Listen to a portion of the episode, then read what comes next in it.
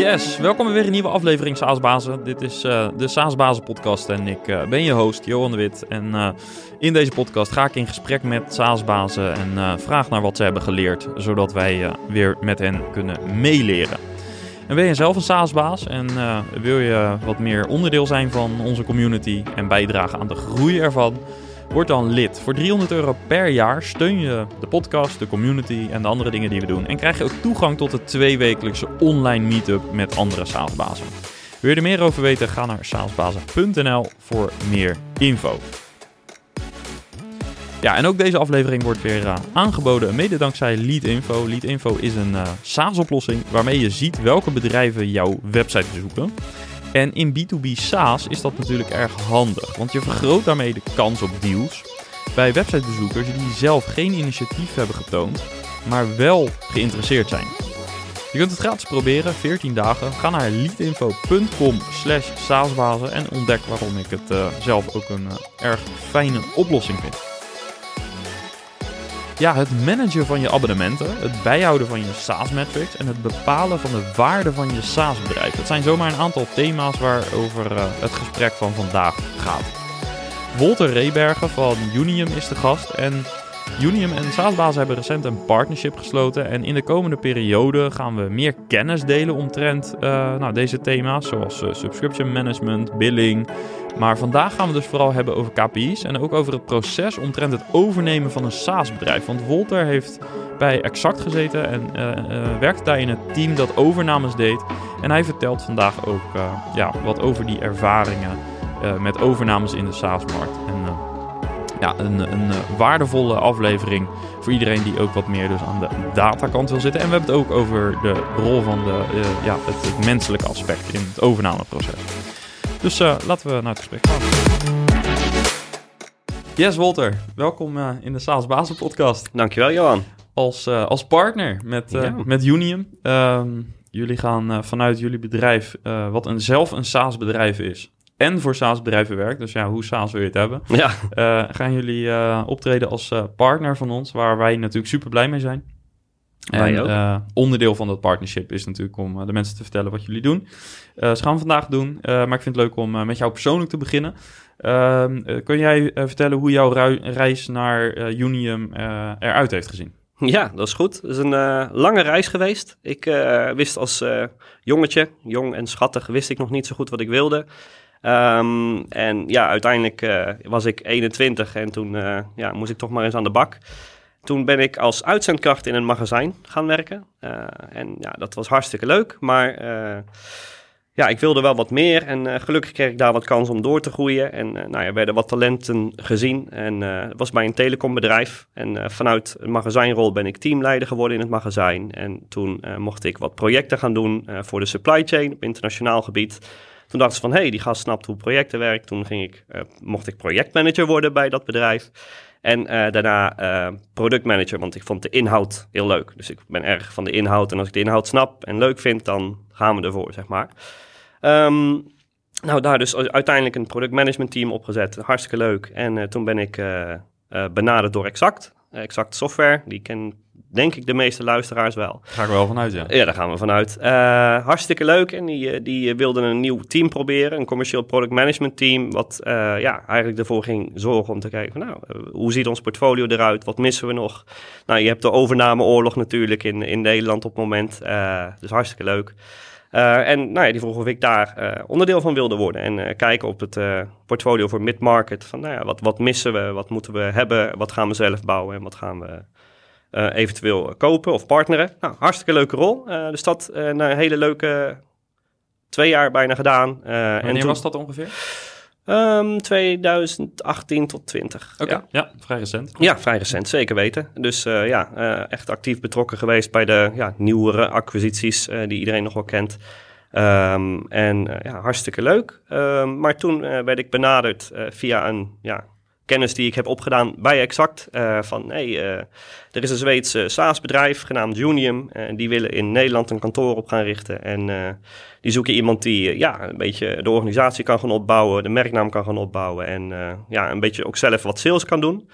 Ja, ik denk, ja, dat is natuurlijk hartstikke leuk. Want ik ben altijd wel een ondernemend persoon geweest. Maar ik ben nooit creatief genoeg geweest om wat zelf te verzinnen. Dus ik lift graag mee op ideeën van anderen. En zodoende bij Unium terechtgekomen in oktober 2020. En nu dus al een jaartje werkzaam en ja, geniet ik heel erg van de SaaS-wereld. En nou ja, communities als deze zijn natuurlijk, ja, ja, hoe zeg je dat? Top, gewoon top. Ja, leuk. Ja. En wat, wat doet Unium? Unium doet een subscription management oplossing. het is een SaaS-oplossing gemaakt voor SaaS, zoals je zelf ook heel leuk aangaf. dat is het ook echt. Uh, Junium is opgericht in 2017 uh, door onze CEO Niklas. Die uh, werkte als IT-manager of CISO bij een SaaS-bedrijf in Zweden. En die zocht eigenlijk een tool voor zijn subscriptions om de abonnementen te beheren. Um, en hij merkte gewoon van ja, er zijn subscription management tools in de wereld, maar niet echt één die gemaakt is voor SaaS. In SaaS heb je veel uh, ja, een mix tussen one-off kosten voor een setup. Je hebt wat verbruikskosten uh, die door de maand heen uh, afgenomen kunnen worden. En je hebt ook nog recurring. vervolgens heb je verschillende contractafwaarden, voorwaarden, prijzen per maand, prijzen per jaar. Nou, allerlei dat soort zaken. Dus dat, dat paste niet. Dus dacht hij van, nou ja, weet je wat, ik ga het zelf doen. en dat heeft hij gedaan. En nu, ja, groot succes in Scandinavië geboekt. Eerste jaar natuurlijk volledig gefocust op Zweden zelf. Tweede jaar een beetje Noorwegen erbij gesnoept en doen een beetje Finland. En nou, in 2020 dus de ambitie uitgesproken om in vanuit Nederland West-Europa te gaan starten. En in 2022 hopen we in Amerika ook een kantoor te gaan starten. Ja, gaaf. Ja. En, en weet je wat, ja, dat, ongetwijfeld weet je dat, wat, wat is de reden dat we voor Nederland als hoofdkwartier hebben gekozen voor West-Europa? Ja, een van de, ja... Sorry, misschien niet als hoofdkwartier, want dat zullen ze nog in Scandinavië zijn, maar meer dat, dat jij vanuit Nederland opereert voor de rest van de West. Ja, hele goede vraag. Uh, een van de grote investeerders die erachter zit, is uh, een van de investeerders, uh, of is een van de voormalige CEO's van een groot Scandinavisch SaaS-bedrijf, genaamd Medius. En die hebben ook goede ervaring gehad met Stockholm beginnen en Nederland. En omdat de ondernemende geesten zijn een soort gelijk. Nederlanders zijn over het algemeen iets directer, maar de, de zakelijke houding is vrijwel hetzelfde. Dus die hadden daar gewoon hele goede ervaring mee. En ja, die vonden dat gewoon een slimme zet. Ja, en uh, West-Europa, welke landen zijn dat voor jou? Want jij zal wel een bepaalde focus nog hebben. Zeker. Nou ja, kijk, mijn focus in 2020 is, uh, en 2021, de eerste helft zeker, is gewoon Nederland geweest. wat inbound van andere landen. maar in, in principe is, valt daar Nederland, Bel Benelux. en dit jaar Duitsland, Frankrijk en Spanje vallen daar vooral onder. en ook stiekem Engeland en Denemarken. Maar dat is ja, een beetje B-prioriteit, om maar zo te zeggen. En waarom is dat B-prioriteit? Uh, Engeland wordt ook gewoon deels gedaan door mijn Scandinavische collega's. Die hebben natuurlijk in de Viking-tijd heel veel ervaring gehad met Engeland veroveren. Uh, dus dat kunnen ze nu nog een keer doen. En Denemarken is, is ja, zo'n zo'n tussenin gevalletje van ja, uh, eh, van, doet Zweden dat of doen wij dat? Ja, het is een beetje ons de beurt, de inbound afwisselen. Ja, ja. en uh, hoe ziet jouw plan eruit voor bijvoorbeeld Duitsland en Frankrijk, dat soort markten? Ja, hele, hele goede vraag. Uh, die, die, die, hebben, die zijn nog in volle ontwikkeling, om daar heel transparant over te zijn. Maar uh, ja, wij, wij weten dat we daar lokale kennis nodig hebben en we weten dat we daar lokale talen nodig hebben. Uh, dus als spreekt bij wijze van spreken de CFO met wie wij praten Engels, dan nog zullen misschien wat mensen die in de admin zitten dat niet doen. Uh, er zullen wat hosting eisen zijn van nee, we willen een server hier in, in Berlijn hebben, weet ik veel. Ja. dus, dus in die zin... Um, nog even aftasten. Maar waarschijnlijk uh, zoeken we gaan ook partners zoeken die uh, Duitsland gaan uh, doen en Frankrijk hetzelfde. En de andere landen proberen we een beetje zelf. Gewoon vanuit hier met onze BDR's, Business Development Representatives en Account Executives. Ja. ja. hoe ziet jullie team er op dit moment uit?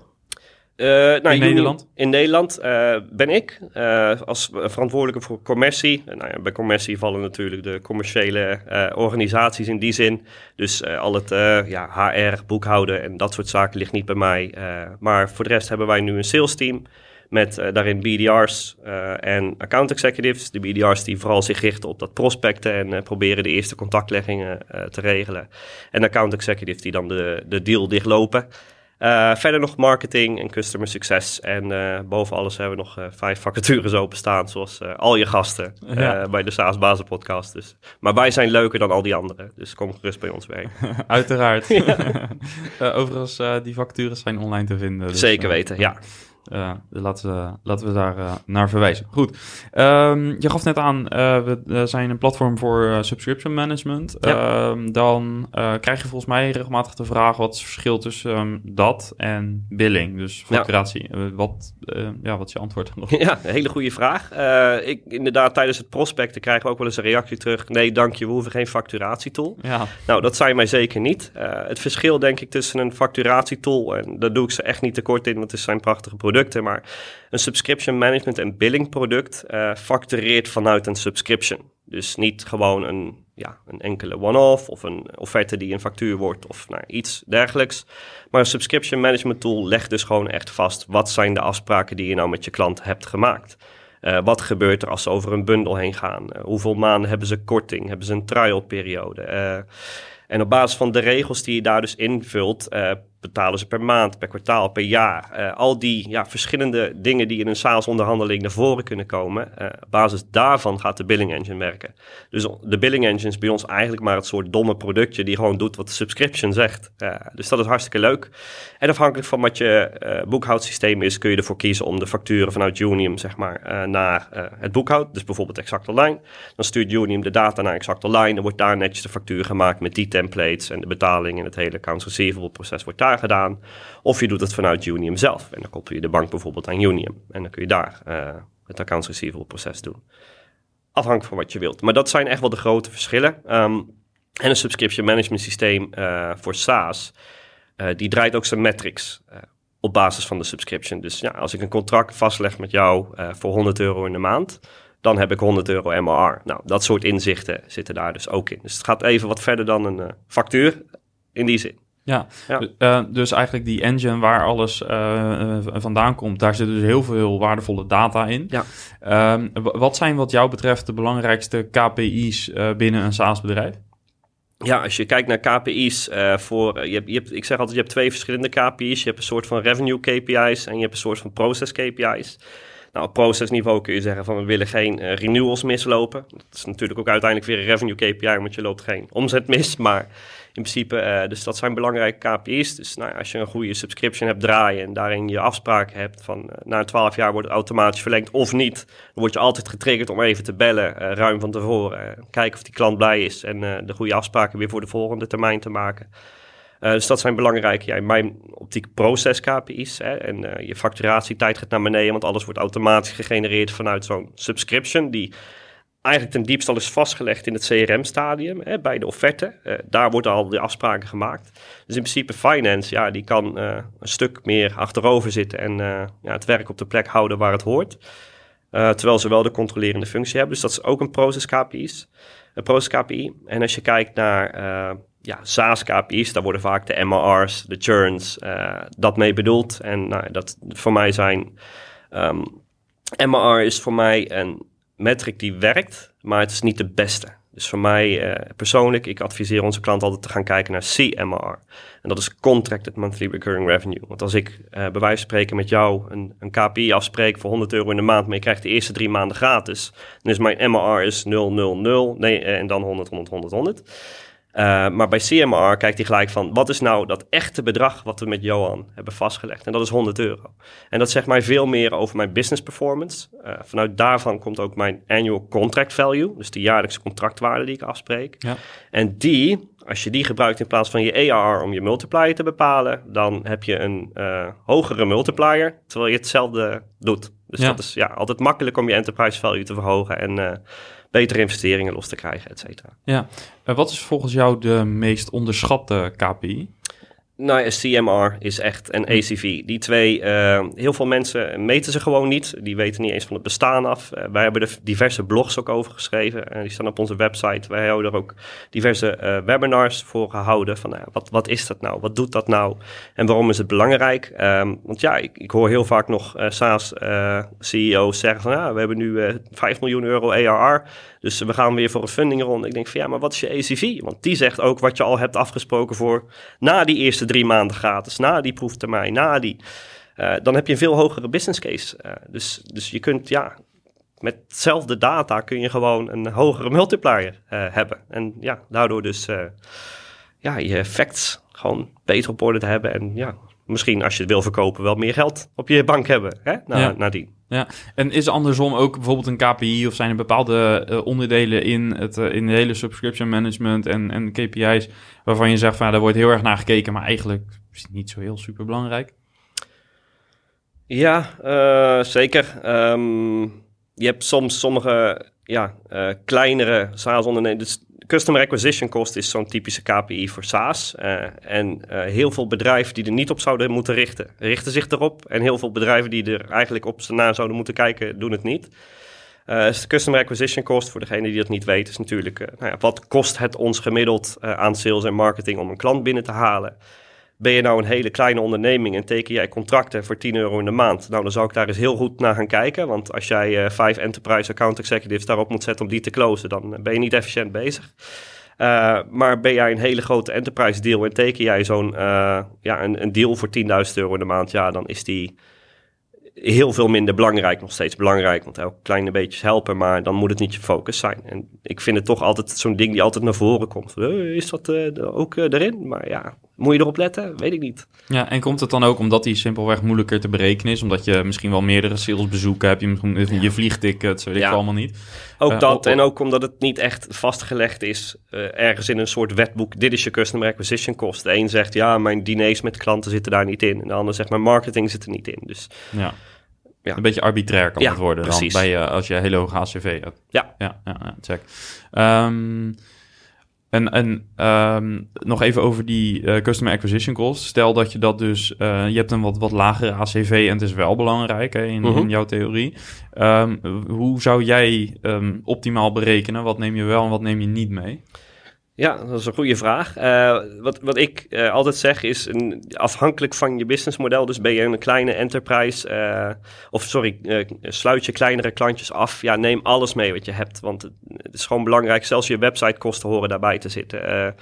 Eventuele kosten die je voor partners betaalt, eventuele diner, ja, die dineetjes zullen er niet zijn, gok ik, met online ACV, nee. Nee, maar um, neem alles mee wat er is. Uh, en uh, bij de, ja, hoe zeg je dat, de grotere deals die je doet, ja, als je een keer een dinertje vergeet, ja, dat gaat niet breken of je een winstgevende customer acquisition cost versus lifetime value hebt. Dat is een beetje de ratio die je bekijkt dan. Want wat brengt een klant gemiddeld in zijn levensloop op ja. versus die kost? dat, dat moet je natuurlijk tegen elkaar gaan afwegen. Um, Hanteren jullie daar ook het uh, uh, uh, ja, 1 staat tot 3 principe? Ja, ja. ja? Okay. ja wij hanteren in principe eh, drie. Dat is ook gewoon een algemene regel. Dus het is goed om daar naar te kijken. Want normaal gesproken zeggen ze dus als je drie keer eh, je lifetime value hebt, dan eh, ben je winstgevend. Maar ja, eh, heb jij net 5 miljoen geïnvesteerd in een development center in Oekraïne? Ja, ben je dan winstgevend? Ik weet niet, misschien moet je dan wel keer vijf hebben. Ja. Uh, dus het is, het, is, het is een goede, ja, vuist, het is een vuistregel, hè? Dus ja. zo zou ik hem ook zeker insteken, niet ja. anders. Heb je ook nog een mening over de North Star metric, waar natuurlijk ook vaak binnen staatsbedrijven naar gekeken wordt? Hè? Dus één metric die, uh, zeg maar, overall een, een, indicatie geeft van succes? Ja, ik vind het... Uh, ik, ik ben zo, zelf ben ik een beetje bevoor. Ik vind alle metrics gewoon cool. Ik vind het altijd goed om je, om je SaaS onderneming goed te meten en uh, te weten wat je doet op, op allerlei vlakken. Om gewoon, ja, probeer jezelf te differentiëren en, en dat goed inzichtelijk te hebben. Uh, nou, ik, ik, ik, zei aan het begin van het gesprek al, hè, ik, ik kom bij Exact vandaan. daar, ja, daar wordt gewoon, bij dat soort bedrijven wordt er gewoon echt heel kritisch gekeken naar je onderneming. Dus in eerste instantie dan gaan ze natuurlijk koffie drinken en dan kijken ze, nou ja, wat ben je ongeveer waard? Maar daarna gaan ze je echt onder de loep nemen. En hoe meer feiten jij op tafel hebt, zoals een North Star, ja, dat is Goed. Ja, dat is en, goed. En uh, daarmee maak je eigenlijk het bruggetje naar jouw rol natuurlijk uh, in, in, binnen Exact. Maar ja. ook nu zie je natuurlijk heel veel SaaS-bedrijven. Je ja. spreekt elke dag met uh, SaaS-bazen om uh, onder andere subscriptions op orde te krijgen. Maar dan zal het ook gaan over wat is mijn bedrijf waard en hoe bereken ik dat, dat, dat soort dingen. je zei al even, van, ja, vanuit zo'n bedrijf kijken we naar potentiële overnamekandidaten. Of kijken ze.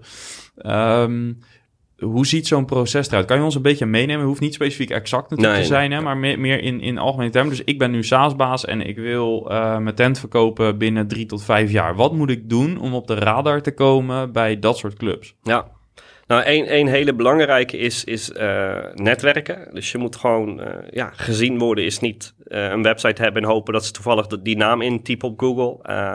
Dus belangrijk is netwerken. je, moet, je moet de mensen kennen. nou ja, ondernemingen zoals Exact, Visma, ja, daar zitten ja, duizend man personeel in Nederland en omstreken. En helemaal als je de geacquireerde clubs meerekent. dus dus ja, het is vrij eenvoudig te doen. Zorg dat je gezien wordt. over het algemeen, bij een aantal van deze ja, bedrijven die werken met longlisten en shortlisten. Gebaseerd op, nou ja, om maar zo te noemen, gaten in hun portfolio op gebieden waar ze zich op willen focussen. Dus stel je bent een accountancy softwarebedrijf en jouw missie is om accountants aan te sluiten bij onderneming. Dan ga je kijken, oké, wat voor functionaliteit heb ik nu nog niet? Um, dan maak je de bekende beslissing make by partner. Hè? Dus uh, zijn, uh, gaan we dat zelf bouwen? Uh, is dat onze visie? Is dat onze focus voor onze developers zelf? Gaan we kijken, is er een club die dat doet, die dat samen met ons kan doen, die koppelingen heeft, die ook het commerciële totaalplaatje ziet? Of gaan we iets kopen? Nou, in het geval van buy, dan kom je op een, op een longlist terecht van, nou, dit zijn potentiële kandidaten die dat wel leuk vinden. Vervolgens nou ja, wordt daar een selectieprocedure op gemaakt op basis van wat productdemo's misschien, wat verborgen websitebezoekjes en, en weet ik veel wat. Um, en dan kom je op een shortlist. Nou, dan zijn er misschien nog drie of vijf over. Um, nou, en dan, dan heb je vaak iemand die, uh, die gaat kennis maken met zo'n bedrijf. Dus die belt aan van, hey, nou, we zijn geïnteresseerd, we willen eens praten. Uh, maken nog geen beloftes, maar we willen even kijken wat jullie doen, uh, et cetera. Heel luchtig in die zin. En als daar een klik is en daar is ook een soort van ja, hoog over high-level prijsklik. Ik bedoel, die prijs is nog lang niet bepaald natuurlijk, maar wel een soort van ruige inschatting. Dan um, wordt vaak een volgende stap gezet naar iets van het due diligence proces. Waarin uh, ja, je toch gaat kijken van nou ja, dan komt dat moeilijke stuk, dan moet je je feit op orde hebben. Uh, dus uh, hoe, hoe zien hun certificeringen eruit? Hoe blij zijn hun klanten? Wat is de NPS-score? Wat is de omzet? En niet, niet op basis van een PowerPoint-presentatie, maar wat staat er in je boekhoudsysteem? Wat staat er in je subscription management systemen? Wat is de live geregistreerde ACV? Wat is je prognose? En, op basis, en wat is je churn? Uh, dus op basis daarvan dan komt er uiteindelijk een vermenigvuldiger, een multiplier uit, uh, die zegt van oké, het is jouw eh, ARR of ACV keer 5, bij wijze van spreken. Dat is wat we gaan bieden. En dan um, ja, komen er nog allemaal randvoorwaarden bij. Uh, earn-out periodes. Dus de ene CEO blijft twee jaar, de andere wordt gelijk, of wil het liefst zelf gelijk weg. Want die denkt van ja, ik zit in de weg. Dan heb je twee kapiteins, weet ik veel. Uh, dus dus nou, dan krijg je dat soort randvoorwaarden. Uh, en nou ja, een earn-out periode zit vaak nog aan targets vast. Dus nou ja, wil jij de volledige som van je acquisitie hebben, moet je je budget, wat jij zogenaamd hebt gezegd dat je gaat halen, moet je dan ook daadwerkelijk gaan halen. Als je overperformt, krijg je meer, et cetera. Nou, dat soort uh, leuke afspraken worden er dan gemaakt. Dus het is, het is een lang proces. Hè? Dus vaak als je denkt van, oh, ik ben vandaag benaderd met de koffie, denk niet dat je volgende week overgenomen bent. Want dat gaat echt wel maanden gaan daar overheen. Het gaat wel sneller als je al je feiten op een rijtje hebt. Um, en het is, ja, die feiten op een rijtje, wat ik net al zei, dat is cruciaal. Cruciaal voor je multiplier. Want ze, ja, ik bedoel, die, die, de visma's, de exacte, de, de, nou, alle, noem ze maar op. Die hebben een gigantische machtpositie. Uh, ja. Want die, ja, die weten hoe het spelletje werkt. En jij uh, die hebben dat al heel vaak gedaan. Precies. Ja. En jij hebt misschien je eerste SaaS-onderneming gestart drie jaar geleden. En uh, zit in één keer met deze gast aan tafel ja, uh, vraag hulp. Uh, ik bedoel, in, in de SaaS community weet ik zeker dat nou, er zijn mensen die hun SaaS-onderneming al een keer verkocht hebben. Uh, wij zijn er natuurlijk die verstand hebben van welke ja, zaken je, of tenminste welke KPI's je in ieder geval moet gaan presenteren. Ja. Um, ja, zorg dat je dat hebt. Ja, als ik je zo hoor, dan klinkt het alsof dat proces behoorlijk data-driven is. Hè? Dus ja. je moet je KPI's op orde hebben en gaan ze maar door. welke rol speelt de menselijke factor en een soort menselijke klik in dat hele proces? Ja, Hele goede vraag. De menselijke rol en klik die zit al helemaal aan het begin. Dus ik zei al, hè, dus op een gegeven moment kom je op zo'n shortlist en dan gaan mensen bij jou uh, op visite om eens te kijken. Uh, nou ja. En daar wordt ook al gewoon echt wel persoonlijk gekeken van, nou ja, wat voor CEO heb ik hier aan tafel? Uh, uh, waarom is deze gestart? Wil die gewoon zo snel mogelijk miljonair worden? Of wil die een uh, onderneming? Uh, wil die een groei? Wil die bepaalde internationale ambities? En, en, welke invloed heeft die houding en die mindset op het proces? Mega. want als ze denken van ja, er zit hier gewoon iemand die snel wil cashen, die, dan is de kans groot dat je product ook zo gemaakt is. Van laten we even de tien cruciale features erin bouwen die iedereen kent die bij deze dienstverlening hoort. En dan uh, ja, op het strand liggen in Hawaii. Uh, ja, als, als dat, als dat ja, de aanname is bij dat eerste gesprek, dan ja, verlies je. gelijk. En dan heb je nog niet eens over data gehad. Oké, dus eigenlijk zeg je, het, het, het, uh, de softe kant komt misschien wel voordat we naar de boeken gaan kijken. Zeker. Ja, ja. ja, want na de boeken, dat, dat, dan komt je menselijke kant bijna niet meer naar voren. Maar is dat dan meer validatie? Of, of want hoe ver ben je al in het proces op het moment dat je naar de boeken gaat kijken? Hoe, ja. hoe serieus is de die? En nu generaliseer ik het misschien net. Nee, nee, nee, maar ik denk dat je dan zeker top 2 bent. Okay, uh, dus dan ben je echt wel een heel eind. Uh, als je gesprek, en ik bedoel, als die allebei niks worden, dan gaan ze natuurlijk naar de andere twee. Want ja, zoals ik al zei, uiteindelijk zit er een longlist achter. En op een longlist staan er misschien wel 100. Ja. Afhankelijk van wat voor dienstverlening je doet. Je hebt natuurlijk een paar mensen die uh, echt een uniek gat in de markt hebben gevonden. Ja, dan hoef je er niet 100 langs. Um, maar ja, dat, dat menselijke stuk zit echt aan het begin. En dat tweede stuk, de due diligence, is puur data. Dan kun je de beste, leukste, liefste CEO zijn die elke week een team uit je organiseert. Maar dan maakt dat dan niet meer uit. Dat was aan het begin belangrijk. Want daarin uh, zien ze ook van, oké, hoe blij is die club? Uh, en uh, sterker nog, een te goede CEO, te persoonlijk, kan ook een risk zijn. Want dan denken ze dat van, het bedrijf te veel ophangt aan het succes, aan ja, die Ja, maar ik bedoel, als jij elke week jouw personeel mee uit eten neemt... ja, een club als Visma kan dat misschien niet gaan waarmaken... voor uh, die 250 bedrijven die ze inmiddels hebben. Uh, hè, om dat soort budgetten vrij te stellen. Dat, dat, weet je niet. Ik bedoel, Visma, die is dan ja, uh, wel iemand die zelf ook zegt van... draai je eigen organisatie. Ik vind, ik vind dat persoonlijk fijn. maar ja, dingen gaan veranderen als je overgenomen wordt. En als jouw hele cultuur hangt aan de... Ja, ondernemende, vrolijke CEO die je hebt, ja, dan kan dat wel eens klappen gaan opleveren. En dan is dan een risico voor het personeel of ze blijven ja of nee. Ja. Uh, en voor je key personeel kan dat ja, veel schade aan onder onderneming uh, veroorzaken, zoals je weet. Ja.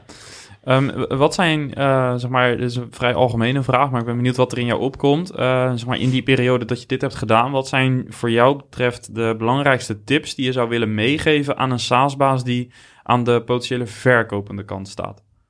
Aan de verkopende kant. Ja, um, dus eigenlijk jouw tegenspeler. Ja, precies. Ja, ja. Nee, ik, um, probeer gewoon uh, transparant te zijn. Uh, want alles, uh, ik bedoel, deze jongens, die, de grotere jongens weten wat ze doen. Hè, ik bedoel, die, die, ga je niet voor de gek houden. Dus blijf transparant, ook in het begin. niet doen alsof je geen churn hebt, want komt naar boven, dat heb je heus wel. en zo niet, helemaal top. Maar dus, dus blijf lekker jezelf. Uh, vertel wat over de cultuur van je bedrijf. Uh, dus in die eerste gesprek heb ik het dan dus over. Uh, vertel wat over de cultuur. vertel wat over je missie als onderneming. Maar vertel boven alles ook wat over jouw missie. Waarom ben jij CEO? Waarom ben je founder van deze club geworden? Had je een heel goed idee voor een product? Of had je gewoon echt zin om een, een gauw onderneming te starten met een leuke groep mensen? wees daar transparant in. Dat is voor het eerste gesprek de gouden tip. En de tweede tip is uh, voor het due diligence. Uh, ja, heb je facts op orde? Ben je klein, ben je groot? Maakt niet uit. dat is ook vaak zo'n ding van, oh ja, als we zo meteen 10.000 euro omzet hebben, dan gaan we wel aan de ISO-certificeringen werken. Nee, doe dat gelijk. Um, het is alleen maar goed. Het kost niet zoveel geld dat dat killing is, maar het, het zet gewoon een soort van professionele houding neer. Uh, die terugkomt. Die krijg je terug. 100%. Dat is een mini-investering vergeleken met wat je terugkrijgt. Ja. En hetzelfde voor je boekhouding. Heb die op orde. Presenteer feiten. Geen powerpoints waar uh, ja, elke finance persoon bij wijze van spreken tabelletjes heeft kunnen inkloppen met die fouten. Presenteer feiten uit het systeem. Uh, ja, die je hard kunt maken. Die geaudit zijn. dat is voor due diligence heel belangrijk. En drie is een persoonlijke vraag aan jullie. Stel je personeel niet teleur je hebt een uh, onderneming gestart, uh, je hebt mensen bij je missie aangesloten. Uh, word geen sell-out. Zorg niet dat je mensen slecht terechtkomen, want die mensen rekenen op jou. en ja, blijf, blijf ja, zorg, zorg, zorg dat je het goed achterlaat, laat ik het zo zeggen. Als je ja zegt tegen de deal. Ja. Um, wat mij nog een andere vraag is die naar boven komt is, um, en ik weet dat hier verschillende meningen over zijn, dus ik ben benieuwd naar, naar jouw idee daarbij.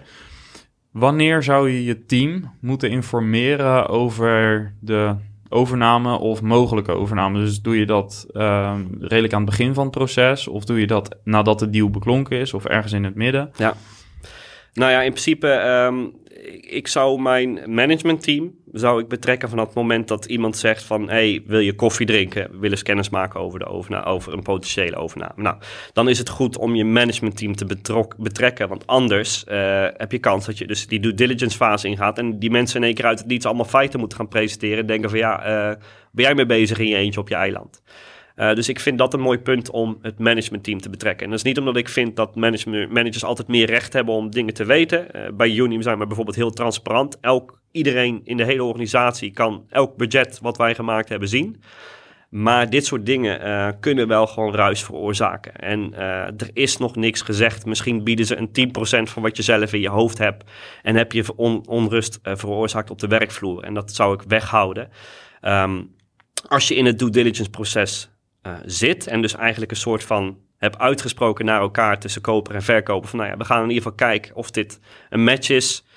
Uh, afhankelijk van het type onderneming zou ik zeker dat moment aangrijpen. Van jongens, het is niet zo ver. we gaan kijken, is dit iets? Uh, dit zijn de arbeidsvoorwaarden waar we aan denken. Wees er transparant over, zodat die mensen ook een keuze kunnen maken. Het zijn mensen, laten we goed voor ze zorgen. Ja, ja. ja. Um, volgens mij zei je in een soort tussenzin van als de organisatie, zeg maar, of, of je liet in ieder geval blijken, het hangt een beetje af van je team, zeg maar, ja. van hoe je team. Um, er is eerder iemand in deze podcast geweest, uh, was Jeroen van der Nauwland, die zei op een gegeven moment in de podcast uh, rondom overnames veel informeer je personeel gewoon op het moment dat het gedaan is. Dat ging niet over het managementteam, maar Ja. gewoon je hele team. Ja. Omdat het heel veel onrust kan veroorzaken Ja. op het moment dat je dat in een vroeg stadium doet. Ehm, en als het niet doorgaat, dan hebben misschien die mensen ehm, wel voor niks met een knoop in hun maag eh, ge- rondgelopen. Omdat ze dachten van ja, dit willen we eigenlijk helemaal niet. Mhm. Ehm, eh, wanneer doe je dat nou wel en wanneer niet? Dus is, is- hangt dat dan bijvo- bijvoorbeeld af van een bepaalde cultuur? Ik, Ja, ik, ik weet het niet. Ik, ik, ik sta achter zijn woorden. Hè? Dus onrust is gewoon vervelend als er niks gebeurt. Daarom zeg ik ook, licht je managementteam in. Als het goed is, heb je managers uitgekozen die, die aansprakelijk, accountable zijn. eh, die, eh, dat je weet dat je op ze kan rekenen en wat geheimhouding hebt. Doe je dat niet, eh, in mijn ervaring, dan komen er geruchten en roddels. Want je moet informatie hebben. En informatie Ja. komt bij die managers vandaan. En die zijn niet gek. Dus die weten echt wel, als je in één keer belangrijke rapporten opvraagt. Waar heeft hij mijn ISO-certificering? Heeft hij niks te lezen in bed? Ehm, ja, dan gaan de roddels komen als je daar niet transparant op bent. En die roddels gaan naar de werkvloer. Als jij ze aansprakelijk stelt voor, nou, we, we zitten in dit traject, eh, maar hou het weg. Eh, het is aan jullie, het stopt bij jullie. Dan hou je ja, in die zin de ruis weg bij eh, de mensen die de dagelijkse operatie draaien. Waardoor de klanten in die zin er niks van merken dat jullie intern wat, eh, wat te doen hebben, zeg maar. Ja, dat is mijn voorkeur. Maar ik denk niet, ik weet niet of er een gouden regel is. Ik denk dat elke CEO zelf wel eh, voor zijn organisatie ja. kan Je inschatten. kent je organisatie. Ja. Op, basis daarvan je Zeker. zo'n beslissing. Ja. Dus dit is een generale, in die zin, eh, mening, denk ja, ik. ja. helemaal goed. Maar wel eentje die dus vanuit de praktijk komt. eh, en Zeker, je hebt het ja. proces vaker van verschillende kanten dus gezien. Ehm, ja, je liet het woord multiplier al een keer vallen. En dan gaat het dus over, ja, eh, uiteindelijk, eh, hoe wordt dat berekend? En, en eh, is dat een omzet keer vijf of wat dan ook? Mhm. Ehm, nu hangt het van veel variabelen af, maar voor de luisteraar die luistert en die denkt van ik ben nu toch al drie tot vijf jaar heel hard aan het werken en ik wil toch wel een keer gaan exiten. Ja, Ehm, als zo iemand op een napkin zelf wil gaan rekenen, hoe ziet ongeveer de rekensom eruit? Hoeveel is mijn bedrijf waard? ja. Eh, ik denk als jij een eh SaaS-onderneming hebt, en dan spreek ik, ja, is heel generiek, heb jij een gemiddelde churn, niks geks. Ik bedoel, mensen die gaan toch wel een keer, hangt er ook af hoeveel concurrent je hebt natuurlijk, maar ze gaan een keer weg. Ehm, over het algemeen eh, zit je tussen de SaaS, als je je papieren oké op orde hebt, dus niet heel uitgebreid, maar oké, dan zit je al een multiplier van vijf keer je AR. Even hoog over gezegd. Uh, heb jij jouw cijfers heel goed op orde? Heb jij een heel sterk customer succes programma? En niet overdreven sterk, maar gewoon goed. Je let erop, je praat met je klanten. Um, je hebt goede ambities en je hebt net bijvoorbeeld een fundingronde gehad. Uh, dan kun je makkelijk uh, 10 krijgen. En heb jij een hele overdreven goede fundingronde gehad met een, prognose die, die, die je hebt uitgesproken en die geloofd wordt op basis van de vorige prognoses die ook gehaald zijn, dan kun je zo op 13, 14, 15 zitten. Dus uh, ja. Dat is een beetje de rekensom waar een beetje, ja. we ons aan kunnen vasthouden. Ja, keer ja. AR, hè? dus Ja, 13. ja. Uh, ja. Dus uh, ACV is, um, ja. Als je het op ACV doet, krijg je vaker een hogere multiplier en je ACV is vaak hoger dan je AR. En waar, waar komt dat door? Om, omdat, omdat je daar je contract... Dus als ik met jou bij wijze van spreken nu een contract teken voor 100 euro in de maand... en ik zeg, nou oké, okay, je hebt de eerste... en zo zijn Precies, ja. je hebt de eerste maand... Uh, of de eerste, eerste jaar betaal je 100 euro in de maand... tweede jaar 200, betaal je volle membership... alleen een eerstejaarskorting. Maar een ACV denkt dan van... oh, maar uh, die 200 gaat zo meteen door. Ja, uh, ja. Die 100 euro is nu even tijdelijk, dat is leuk, is omzet... maar die 200, dat is mijn omzet die ik teken bij Johan. Ja.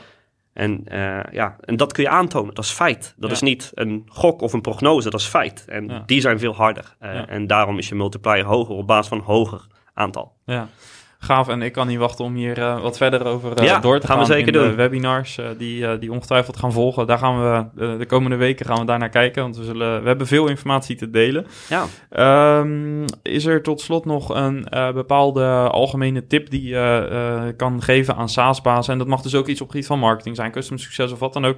Waarvan je zegt van, nou, ik spreek zoveel SaaS-bazen. hè, We hadden het er net over. Je kwam gisteren, heb je bij een SaaS-baas gezeten. zo meteen na de opname ga je er naartoe. Ja. Dus heel de dag ben je met ze gesprek. Eh, is er nog een, een tip ehm, die je wil meegeven aan ze? Om, om meer uit hun business te halen. ja. Nou, ik denk aan de luisteraars. Eh, dan is de kans groot dat jullie al in de community zitten. Eh, zo niet, ga in de community. Het is goed om met eh mede-SaaS-bazen te netwerken. Eh, te leren van elkaars ervaringen. En niet alleen, hè, de ene heeft kennis bijvoorbeeld over de multipliers... en de andere heeft kennis over marketing. Eh, over partners hebben we natuurlijk iemand die eh, in de community heel veel weet... en alles op partnerniveau doet.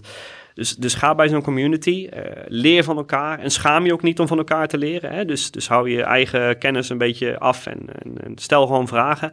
Ondanks dat je soms denkt van ja, dat weet ik wel, maar dan nog zit er net die ene procent, kan net je business veranderen. Ehm, en ja, hou, eh, hou de boel op orde achterin. Eh, dus eh, je kunt alleen maar snel schalen als je finance team, als je je backbone, je IT, alles dat bij kan houden. Want anders dan, ja, dan moet je 15 man, voor elke twee salespersoon die neerzet, moet je vier man finance neerzetten om die ellende weer goed te breien, zeg maar. Ja. Dus hou, je, hou alles schaalbaar.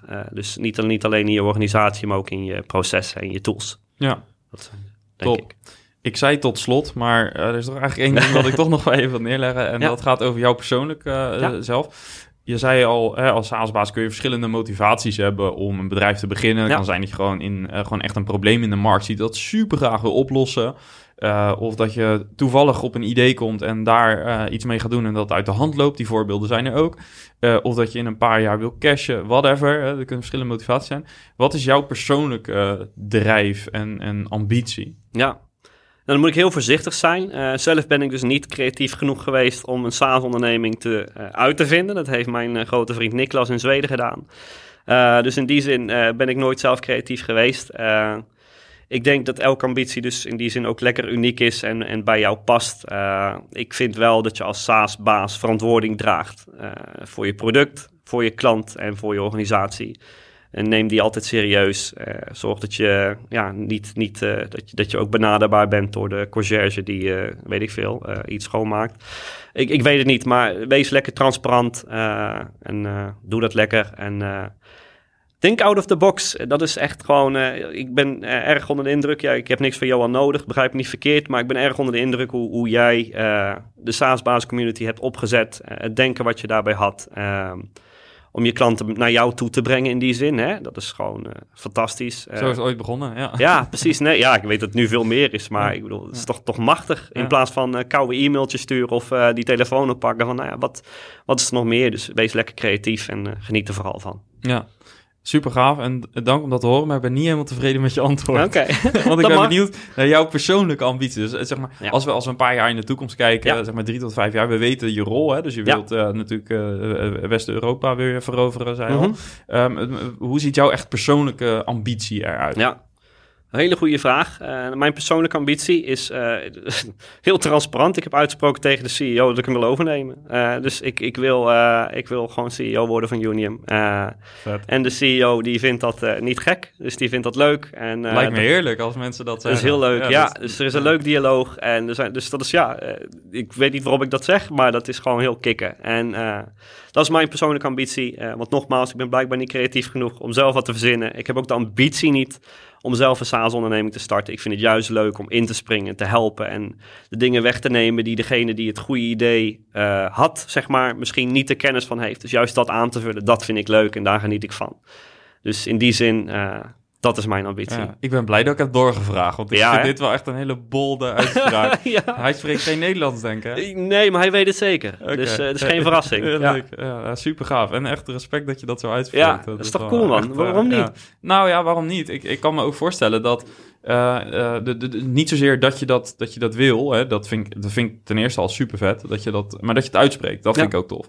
Ehm, Ja, er is, er, ik heb ooit zo'n zo'n spreuk ge- gelezen over dat als je een ambitie uitspreekt, dat het niet uitkomt. Nou, dat vind ik echt onzin.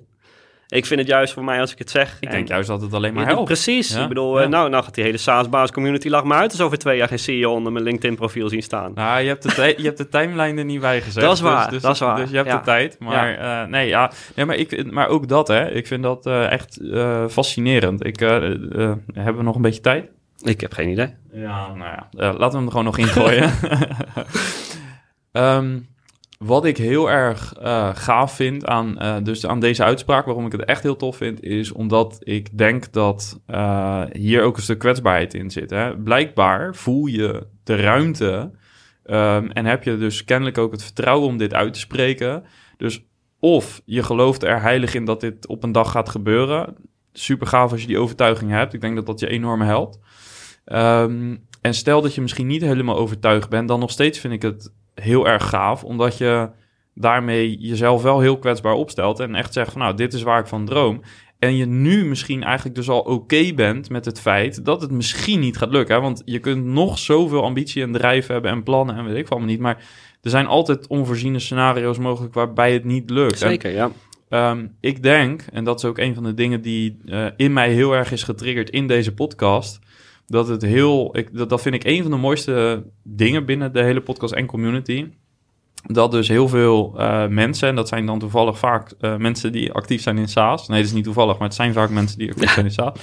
Dat die dit over het algemeen heel erg durven. Dus dat men best wel kwetsbaar durft te zijn. En ehm, ja, ik denk dat dat super mooi is. Want ja, ik vind jouw antwoord ook echt heel erg in dat rijtje passen. dat je dit gewoon uitspreekt. Het is super bold. Het is, eh, ja, eh, inderdaad, mensen kunnen je aanspreken over twee jaar en zeggen van, eh, dat zei je twee jaar geleden, maar waarom ben je het nog niet? Maar ik denk dat niemand dat doet. Ik denk dat heel veel mensen juist gaan routen voor je. Om, Ja, omdat nou, ze gewoon, eh, ja, weet je, hoe gaaf is het als iemand die ambitie uitspreekt? Dus ik vind het echt eh, super gaaf. Bedankt Dank, dankjewel. Ja, graag gedaan. Leuk dat je doorvroeg. Ja, dan krijg je het echte antwoord. Ja, precies. Dus, Misschien moet je alle vragen twee keer stellen bij mij. nee, verder, eh, verder ben ik eh, echt eh, super tevreden. Echt eh, onwijs bedankt voor eh, het, eh, het eh, delen van je kennis, maar ook de ervaring in dat proces. hè. Ehm, mensen die eh, luisteren, die zullen misschien zeggen van nou, ik wil wat meer weten over de oplossing, over Unium. Eh, dat kan allemaal op de website. En in de komende periode zullen ze jou eh, regelmatig natuurlijk gaan zien.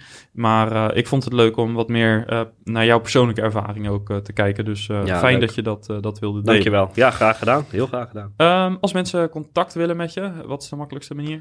Ja, je kunt me een e-mailtje sturen. eh wolter.reberg.union.com Eh, Je kunt me op LinkedIn even een berichtje sturen. Eh, dat is natuurlijk makkelijk. Ik ben vriendjes met Johan, dus dan kun je me vast wel vinden. Stuur me gewoon een berichtje en dan krijg je mijn telefoonnummer en dan bellen we even. Of, nou ja.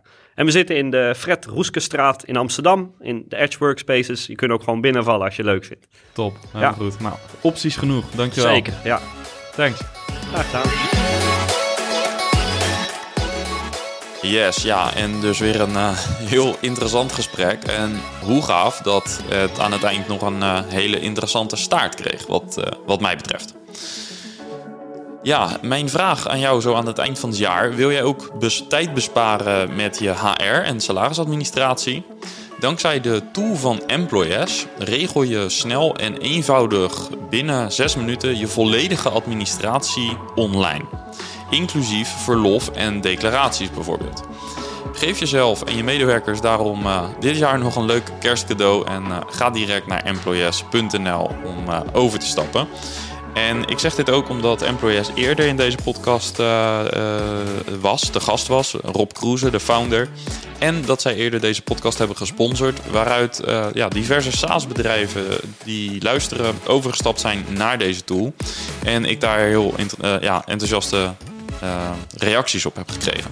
Dus wat dat betreft, ga even naar eh, employees.nl om eh, dit jaar nog over te stappen op een nieuwe tool voor je HR en salarisadministratie.